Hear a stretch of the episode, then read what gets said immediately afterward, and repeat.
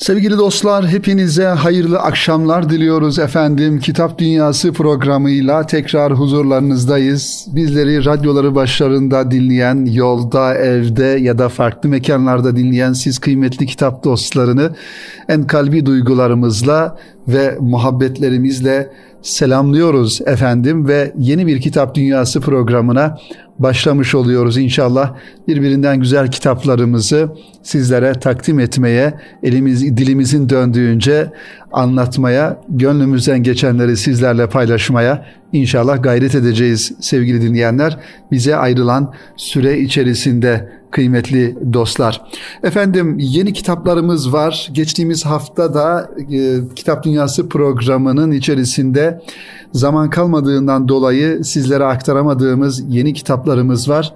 Ama dilerseniz öncelikle geçen hafta hangi kitapları sizlere anlattık, takdim ettik? Şöyle bir hatırlamak babından zikredelim.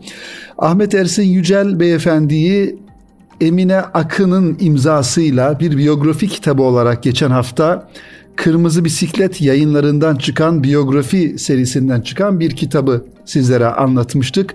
Ahmet Ersin Yücel e, özellikle 1960'lı yıllarda e, İslami hareketin öncülerinden farklı bir insan. Efendim e, Ayasofya ile ilgili, Ayasofya'nın açılmasıyla ilgili çok önemli mücadeleler vermiş bir portre.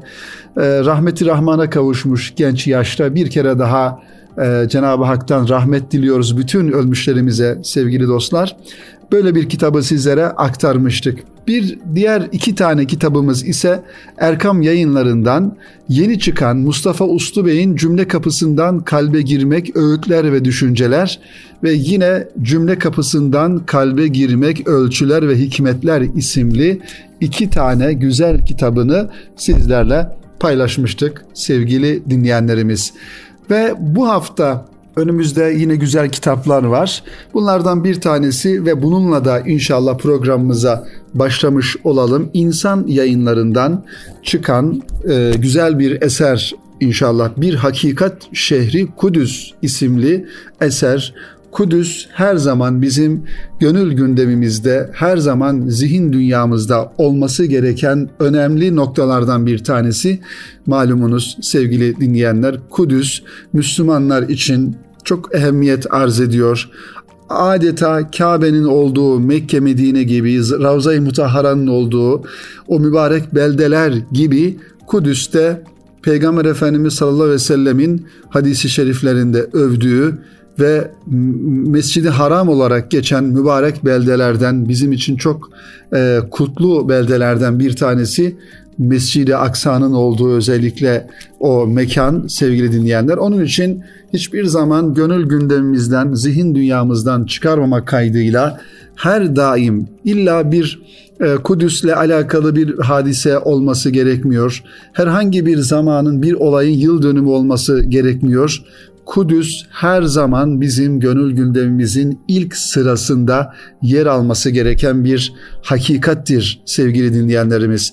İşte Semiha Karahan imzası ile insan yayınlarından çıkan Bir Hakikat Şehri Kudüs isimli kitapta bu e, hassasiyeti taşıyor. Arka kapak yazısını şu şekilde kaleme almış yazarımız sevgili dinleyenler. Antik dönemden bugüne kadarki Kudüs tarihi adeta insanı zaman makinesinde uzun, heyecanlı ve mistik bir yolculuğa çıkartır gibidir. Neredeyse 5000 yıllık bu yolculuk etkileyici olduğu kadar bazen yorucu, bazen sarsıcı, bazen ise yıpratıcıdır ancak çoğu zaman da gurur, mutluluk ve insana umut vericidir. Kudüs'le alakalı yapılacak olan bu zaman yolculuğu. İnsan Kudüs'ü okurken, dinlerken, görürken birbiriyle bağlantılı binlerce yıllık bir geçmişi olduğuna tanıklık eder. Çünkü Kudüs dinsel, siyasi, kültürel tüm açılardan insanın bam tellerine dokunan bir değerler odağıdır insanlığın dinler tarihinin ve siyasal tarihin başkentlerinden biri olmayı başarmış kadim Kudüs'ün hayat hikayesine aşina olmak, Kudüs'ün neden bu kadar önemli bir şehir olduğunu kavramak demektir. Nitekim bugünün dünya siyasetini psikolojisini ve sosyolojisini okuyabilmek ve anlayabilmek kısmen Kudüs'ü tanımaktan geçmektedir diyor yazarımız sevgili dinleyenler. Tarihi sürece baktığımızda kıymetli dostlar özellikle dinler tarihi açısından baktığımızda Kudüs'e Kudüs tabii ki Yahudiler için e, Hristiyanlar için de onları için de kutsal mekanları içinde barındıran bir şehir. Müslümanlar için çok daha fazlasını barındıran bir şehir. Ancak tarihi sürece baktığımızda Kudüs malumunuz Osmanlı Devleti tarafından e, daha doğrusu daha öncesinde Selahaddin Eyyubi, Selahaddin Eyyubi tarafından fethedilmiş ve İslam beldesi olarak Müslüman dünyanın içerisine e, efendim karışmıştır. Onun için tarihi olarak dinler tarihi açısından baktığımızda da orada bizim inandığımız peygamberlerin de izlerini görmüş oluyoruz. Dolayısıyla e, orada özellikle Osmanlı döneminde yapılan tarihi eserler, daha öncesinde de yapılan İslam mabetlerini gördüğümüzde buranın bir İslam şehri olduğunu zaten fark etmiş oluyorsunuz sevgili dinleyenler. Bugün geldiğimiz noktada şüphesiz çok dramatik, çok üzüntü verici, çok acı verici bir tabloyla karşıya kaldığı, karşı karşıya kaldığımızı da ifade etmek lazım. Zira İsrail işgalinin artık has safhaya ulaştığı, neredeyse Filistin toprakları kalmayacak derecede her tarafı işgal ettiğini gördüğümüzde İsrail'in gerçekten bir Müslüman olarak bu e, çok fazlasıyla insana acı veren, üzüntü veren e, bir durum olduğunu da söylemek lazım. Elbette ki umidimiz, hayalimiz, efendim rüyamız, isti, e, temennimiz ve Cenab-ı Hak'tan da e, dileğimiz, duamız bir an önce Kudüs'ün bu terör devleti olan İsrail'in efendim işgali altından kurtulması ve bunlar bu kurtuluşun da Müslümanlara nasip olması, bizim zamanımızda yaşamış olduğumuz zamana nasip olması noktasında Cenab-ı Hakk'a dua ediyoruz tabii ki. Her ne kadar böyle bir işgal yaşanmış olsa da bugün o topraklarda ama şunu da bilmek gerekir ki Kudüs'ü, Filistin'i, İslam topraklarını hiçbir zaman bir Müslümanın gönlünden, ruhundan silemezler, silemeyecekler.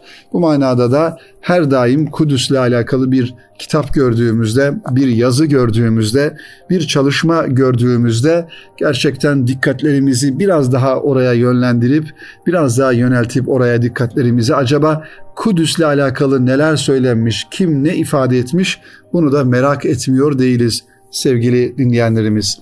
Evet yazarımız şöyle bir giriş yapmış, bir daha doğrusu ithaf yapmış kitabının baş tarafında. Bu kitap diyor Hazreti Adem'in tövbesine, Hazreti Nuh'un gemisine, Hazreti İbrahim'in dostluğuna, Hazreti İsmail ve Hazreti İshak'ın kardeşliğine, Hazreti Yakub'un kulluğuna, Hazreti Musa'nın sabrına, Hazreti Davud'un merhametine aleyhisselam, Hazreti Süleyman'ın ilmine, Hazreti Zekeriya'nın duasına, Hazreti Yahya'nın şefkatine, Hazreti Meryem'in paklığına ve Hazreti İsa'nın peygamberliğine, Hazreti Muhammed Mustafa sallallahu aleyhi ve sellemin miracına ve Hazreti Ömer'in adalet ve barışına adanmıştır diyor sevgili dinleyenler. Evet böyle bir e, adamayla başlamış Semiha Hanım kitabına bir hakikat şehri Kudüs'ü bize anlatırken. Giriş bölümünden sonra Kudüs'ün siyasi ve dini tarihi, Kudüs'te arkeoloji çalışmaları ne zaman başlamıştır ve Hz. Nuh'un kim olduğunu, barış, e, dürüst kral ve imanın e, bir manada temsilcisi Hazreti İbrahim'i anlatmış. Burada Hazreti İbrahim kimdir bu sorunun cevabını görüyoruz kitapta sevgili dinleyenler. Ee, Hazreti Musa'nın hayatını, Hazreti Harun Aleyhisselam'ın hayatını ve Yuşa Aleyhisselam'ın hayatını burada birinci bölümde görmüş oluyoruz. Hiç ölmeyen bir kral, mührü ve servetiyle ün salan bir kral daha ve Şehina'nın evi başlıklı bir yazıyı burada görüyoruz. Davut Aleyhisselam'ın hayatı, Süleyman Mabedi'nin e, Yahudiler için önemi nedir? Bu sorunun cevabını e, kitabın sayfalarında görmüş oluyoruz sevgili dinleyenler. Kitapta Kudüs ve Kudüs tarihiyle alakalı gerek İslam tarihini ilgilendiren boyutuyla gerekse Yahudi tarihini ilgilendiren boyutuyla her konu ele alınmış. Tabi bizim imani konuda, imani noktada bütün peygamberlere e, iman etme gereğimiz, e, daha doğrusu zorunluluğumuz imanın şartlarından olduğundan dolayı bugün Yahudilere gelen peygamberlere de biz iman etmiş oluyoruz. Yani gelmiş olduğu dönemde Hazreti Zekeriya, Hazreti İsa, Hazreti Yahya bütün bunlar e, Yahudilere gelen e, peygamberler ama her birisi de bizim iman ettiğimiz peygamberlerdir sevgili dinleyenler. Bu kitapta da e, bir manada yazarımız hem İslam tarihi açısından hem de Yahudi tarihi açısından, Yahudi dini tarihi açısından meseleleri e, ele almış ve e, Kudüs'ün e, İslam beldesi olarak Hazreti Ömer tarafından fethedilmesine ve Türklerle ilk tanışma 750-878 e, miladi e, efendim e, olarak e, daha doğrusu hicri olarak tanı, tanışmasına Türklerle bu konu ele alınmış burada ve diğer bir konu ise Kudüs'ün dini açıdan önemi konusu Yahudi ilahiyatında, Hristiyan ilahiyatında ve İslam ilahiyatında Kudüs'ün e, ehemmiyetini burada görüyoruz. Bir de Osmanlı döneminde Kudüs'le alakalı e, birçok tabii ki hadise meydana geliyor sevgili dinleyenler. Onun için e, burada da böyle bir e, hikayeye yer verilmiş. Iğdırlı Onbaşı Hasan e, bölümü sevgili dinleyenler. E, şöyle e, bu bölümden birkaç paragrafı sizlere e, takdim edelim sevgili dinleyenler. Zira biliyorsunuz e, Kudüs'e gidenler e, hatırlayacaklardır. Kudüs dolaşıldığında her e, sokağında, her caddesinde mutlaka bir Osmanlı tarihi eserine rastlamak mümkündür. Bunlar hala e, canlılığını koruyor ve Osmanlı Kudüs'e yüzyıllarca emek sarf etmiş. Kaleler yapmış, mabetler yapmış, camiler yapmış, e, mahkemeler, mahkeme minaları yani evler orada yaşamış Osmanlı tebası olarak oradaki insanlar. Onun için Kudüs'e gittiğinizde bu manada çok yabancılık çekmezsiniz. Hatta bazı binaların giriş kapılarındaki yazılar, levhalar Osmanlıca olarak hala e, kendini korumuş ve devam etmektedir. Onun için sevgili dinleyenler böyle bir geçmişi de var Kudüs'ün. Iğdırlı Onbaşı Hasan'ı Türkiye'ye tanıtan kişi İlhan Bardakçı. İlhan Bardakçı'nın Kudüs ziyareti dönüşünde yaptığı haber herkesi şaşkına çevirmiştir. Bu haber şöyledir. Yıllar önceydi. Sene 1972. O zamanlar genç bir gazeteci, gazeteciydim diye anlatıyor İlhan Bardakçı. Türkiye'den bazı siyasiler ve iş adamları İsrail'e resmi ziyarette bulunuyorlardı. Biz de gelişmeleri izlemek için oradaydık. Bir sıcak Mayıs akşamıydı. Her ziyarette olduğu gibi sıradan bir iştir anlayacağınız. Ziyaretin dördüncü günü bize tarihi ve turistik yerleri gezdirmeye başladılar. Kafile olarak Mescid-i Aksa'ya vardık. Heyecanlanmıştım asırlık merdivenlerden yukarı çıkarken. Üstteki avluya 12 bin Şamdanlı avlu diyorlar. Yavuz Sultan Selim Han Kudüs'e gelince bu avluda 12 bin Şam'dan mum yaktırmış. Koca Osmanlı ordusu yatsı namazını o mumların ışığında kılmış, adı oradan geliyor. Bakın bu hadiseyi İlhan Bardakçı yakın bir zamanda bir gazeteci olan gençliğinde e, efendim Kudüs'ü daha doğrusu Mescid-i Aksa'yı bir heyetle beraber ziyaretinden anlatıyor. Yani bir hikaye olarak değil yakın bir dönemde yaşanmış bir hadise sevgili dostlar. Evet 12 bin Şamdanlı e, mum yaktırdığından dolayı Yavuz Sultan Selim bu avluya bu isim verilmiş diyor. Diyor ki devamla avlunun kenarında diyor biri dikkatimi çekti benim İlhan Bardakçı diyor. 90 yaşlarında bir adam. Üzerinde kendinden daha yaşlı bir asker üniforması. Her yanı yama içinde hatta bazı yamaların bile tekrar yamanmış olduğu bir elbise.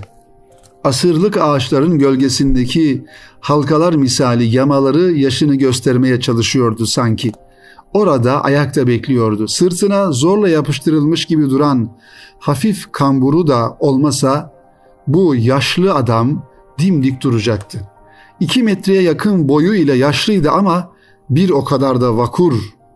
Şaşırmıştım diyor İlhan Bardakçı. Acaba bu adam bu sıcakta güneş altında neden dikilip duruyor dedim içimden. Bizi gezdiren rehbere sordum. Ben kendimi bildim bileli her gün buraya gelir, akşama kadar bekler, ne kimseyi dinler ne de kimseyle konuşur. Sadece bekler. Delinin teki herhalde diye cevap verdi rehber diyor İlhan Bardakçı. Bu yaşta bu sıcakta sebepsiz beklemeyeceğini biliyordum.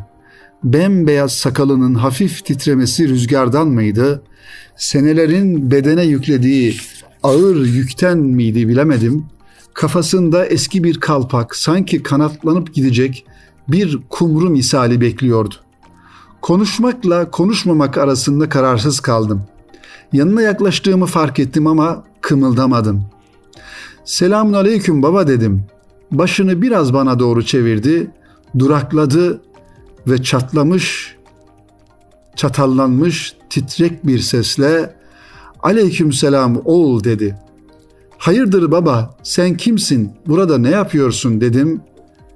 ''Ben'' dedi titreyen bir sesle ben Osmanlı ordusu 20. Kolordu 36. Tabur 8. Bölük 11. Ağır Makineli Tüfek Takımı Komutanı Onbaşı Hasan'ım.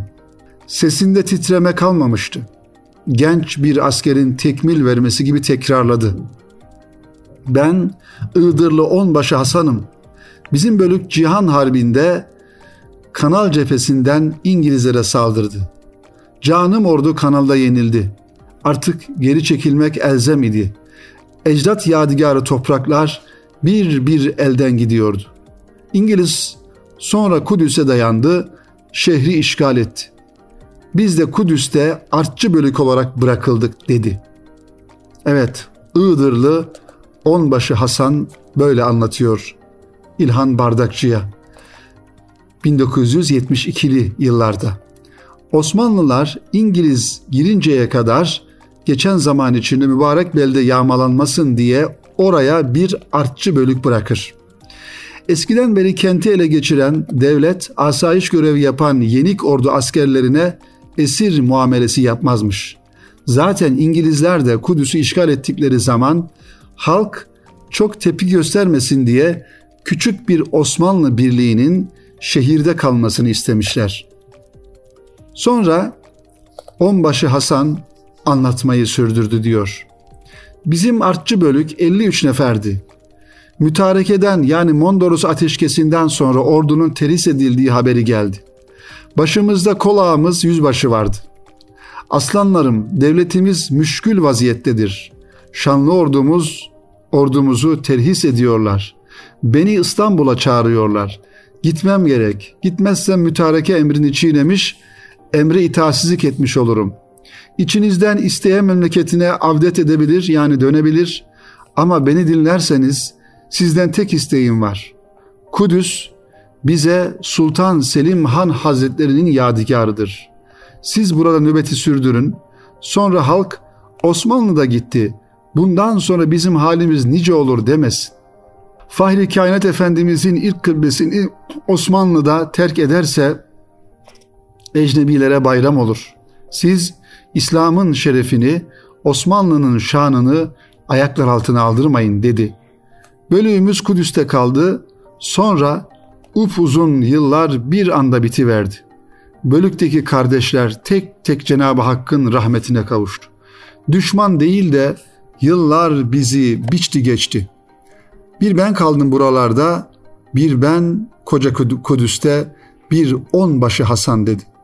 Alnından akan ter gözyaşına karışıyor, kırış kırış olmuş yüzünde kendi yol buluk akıyordu. Konuşmaya devam etti. Onbaşı Hasan İlhan Bardakçı ile konuşmasına devam ediyor sevgili dinleyenler. Sana bir emanet var oğul, nice yıldır saklarım. Emaneti yerine teslim eden mi dedi. Elbette dedim. Sanki Türkiye'ye haber göndermek için birini bekliyordu. Anadolu'ya vardığında yolun Tokat sancağına düşerse Mescid-i Aksa'ya beni nöbetçi bırakıp buraya bana emanet eden, burayı bana emanet eden kolağım Mustafa kumandanımın yanına git. Ellerinden benim için öp ve de ki Kudüs'ü bekleyen 11. makineli takım komutanı Iğdırlı Onbaşı Hasan o günden bu yana bıraktığın yerde nöbetinin başındadır. Nöbetini terk etmedi, tekmili tamamdır. Hayır dualarınızı beklemektedir kumandanım de. Tamam dedim. Bir yandan gözyaşlarımı gizlemeye, öte yandan dediklerini not almaya çalışıyordum. Nasırlı ellerine sarıldım, sonra öptüm, öptüm. Allah'a emanet ol babacığım dedim. Sağ olasın evlat dedi. Bizim için dünya gözüyle o mübarek Anadolu'yu görmek mümkün değil. Var sen selam götür tanıdık tanımadık herkese dedi. Kafileye geri döndüm. Sanki bütün tarihimiz kitaplardan canlanmış da karşıma çıkmıştı. Rehbere durumu anlattım, inanamadı. Adresimi verdim. Bu askeri takip etmesini, bir şey olursa bana mutlaka haber etmesini istedim. Türkiye'ye gelince verdiğim sözü yerine getirmek için Tokat'a gittim. Askeri kayıtlardan kol ağası Mustafa Efendi'nin izini buldum. Vefat edeli yıllar olmuştu. Sözümü yerine getirememiştim. Ardından seneler birbirini kovaladı. 1982 yılında bir gün ajansa geldiğimde bir telgrafım olduğunu söylediler. Rehberden gelen bir tek cümle yazılıydı. Mescid-i Aksa'yı bekleyen son Osmanlı askeri bugün öldü. Evet sevgili dinleyenler gerçekten çok üzüntü verici, çok böyle gözyaşı, göz yaşartıcı bir hikaye, bir hadise Iğdırlı Onbaşı Hasan'ın İlhan Bardakçı ile karşılaşması ve çok yakın bir tarihte 1982 yılında vefat etmiş olması. Demek ki 1972 yılında 90 yaşlarında ise 100 yaşında bir çınar olarak Osmanlı askeri olarak Mescid-i Aksa'yı bekleyen Iğdırlı onbaşı Hasan'ın da böylelikle vefatını e, öğrenmiş oluyoruz. Cenab-ı Hak rahmet eylesin tekrardan hem ona hem Kudüs uğruna, Mescid-i Aksa uğruna e, vefat eden, şehit olan insanlarımıza sevgili dinleyenler. İşte bu kitabın sayfalarında bu güzel hikayeyi, bu güzel hadiseyi sizlerle paylaşmış olduk sevgili dinleyenlerimiz. Semiha Karahan'ın imzası ile insan yayınlarından çıkan Bir Hakikat Şehri Kudüs isimli kitapta böyle güzel olaylar, tarihi hadiseler bir bütün olarak anlatılıyor sevgili dinleyenlerimiz. Şimdi kısa bir araya gidelim kıymetli dostlar ve aranın ardından kaldığımız yerden devam edelim inşallah. Sevgili dostlar tekrar huzurlarınızdayız. Kitap Dünyası'nın ikinci bölümünde kaldığımız yerden devam ediyoruz sevgili dinleyenler. İnkılap Basım yayından çıkan güzel bir kitapla devam ediyoruz sevgili dostlar. Zakir Naik imzasını taşıyan gençlerin inanç soruları halka açık konferanslarında sorulan sorular ve cevapları ismini taşıyor kıymetli dinleyenlerimiz.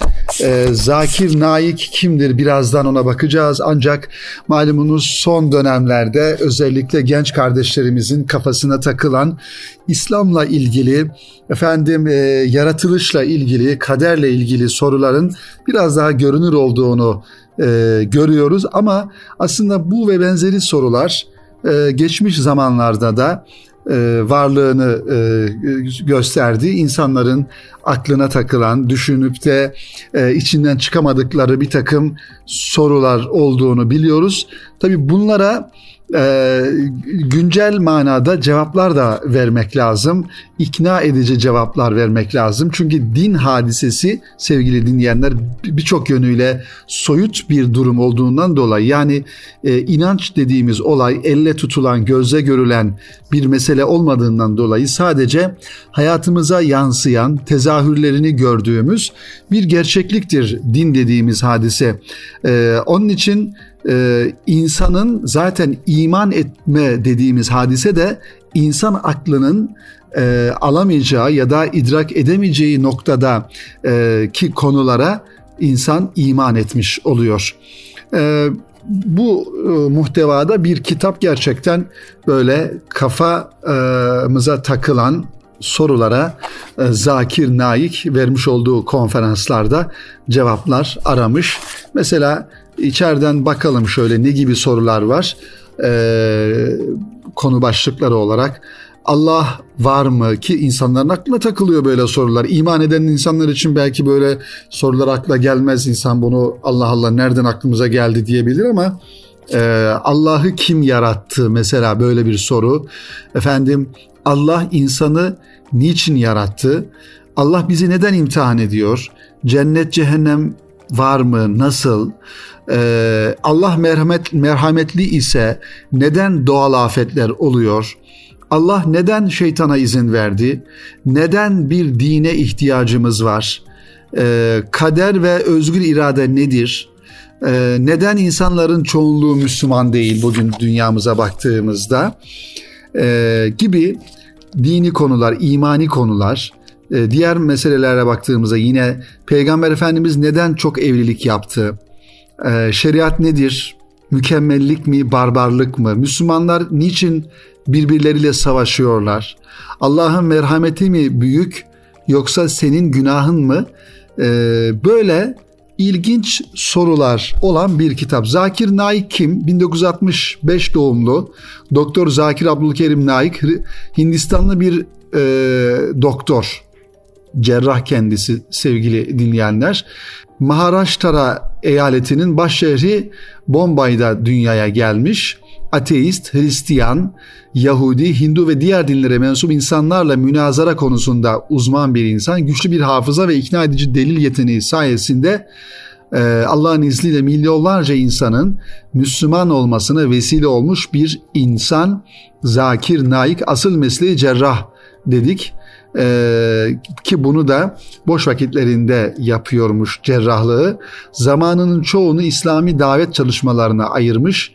İncil, Tevrat, Hinduizme ve bazı dinlere ait kitapları olan vukufiyetinden dolayı karşılaştırmalı dini konulardaki ikna edici konuşmaları ve hazır cevap kişiliği sebebiyle büyük beğeni toplayan bir insan, zakir, naik sevgili dinleyenler. E, aldığı bir takım ödüller var. En güçlü 100 Hintli ödülünü almış. Yılın İslami şahsiyeti ödülü, e, efendim e, gönüllü çalışma ödülü, devlet başkanı e, Yaya Jame Milli Nizam Komutanı nişanını almış kendi ülkesinde. İnsani yardım gönüllüsü doktor olarak Gambiya Üniversitesi'nden bir ödül almış ve Kral Faysal Uluslararası Hizmet Ödülünü Suudi Arabistan'dan almış 2015'te. Zakir Naik böyle bir şahsiyet sevgili dinleyenlerimiz. Evet bu kitabı da e, İnkılap yayınları basmış. Gerçekten bu zamanda günümüzdeki gençlere özellikle tavsiye ettiğimizi ifade edelim.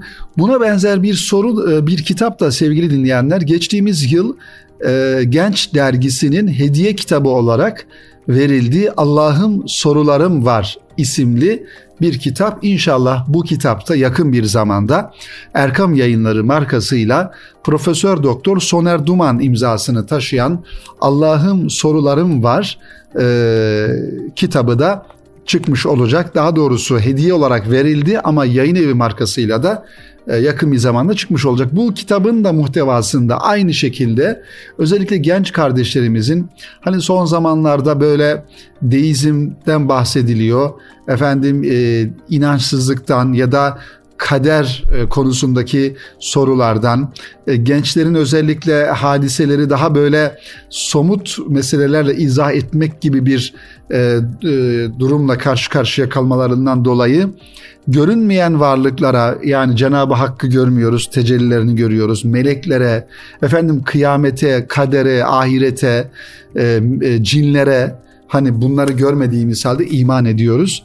Ya da Biraz önce de bu kitabın Zakir Naik'in kitabındaki konuların içerisinde de geçti sevgili dinleyenler. Ee, böyle görünürde çok çelişkili gibi görünen Allah Allah neden böyle? Yani Allah merhametli ise neden cehennem ateşinde insanı yakıyor? Allah merhametli neden depremlerde bu kadar insan ölüyor gibi e, soruların cevapları da işte bahsetmiş olduğumuz bu kitaplarda çok ikna edici ve e, güzel bir şekilde anlatılıyor. Bunu da ifade edelim sevgili dinleyenlerimiz. Efendim programımızın burada da ikinci bölümünün sonuna gelmiş bulunuyoruz. İnşallah önümüzdeki hafta yine yeni kitaplarımızla, güzel kitaplarımızla sizlerle beraber olacağız. Önümüzde farklı kitaplar da var. Bunları da sizlere efendim anlatmaya çalışacağız. Mesela Gazali'nin Hükümdarlık Ahlakı Nasihatül Muluk isimli bir kitabı da yine insan yayınlarından çıkmış. Onu da bir sonraki haftaya bırakalım inşallah. Önümüzdeki hafta buluşmak ümidiyle hepinizi Rabbimize emanet ediyoruz. Hoşça kalın, hayırla kalın efendim.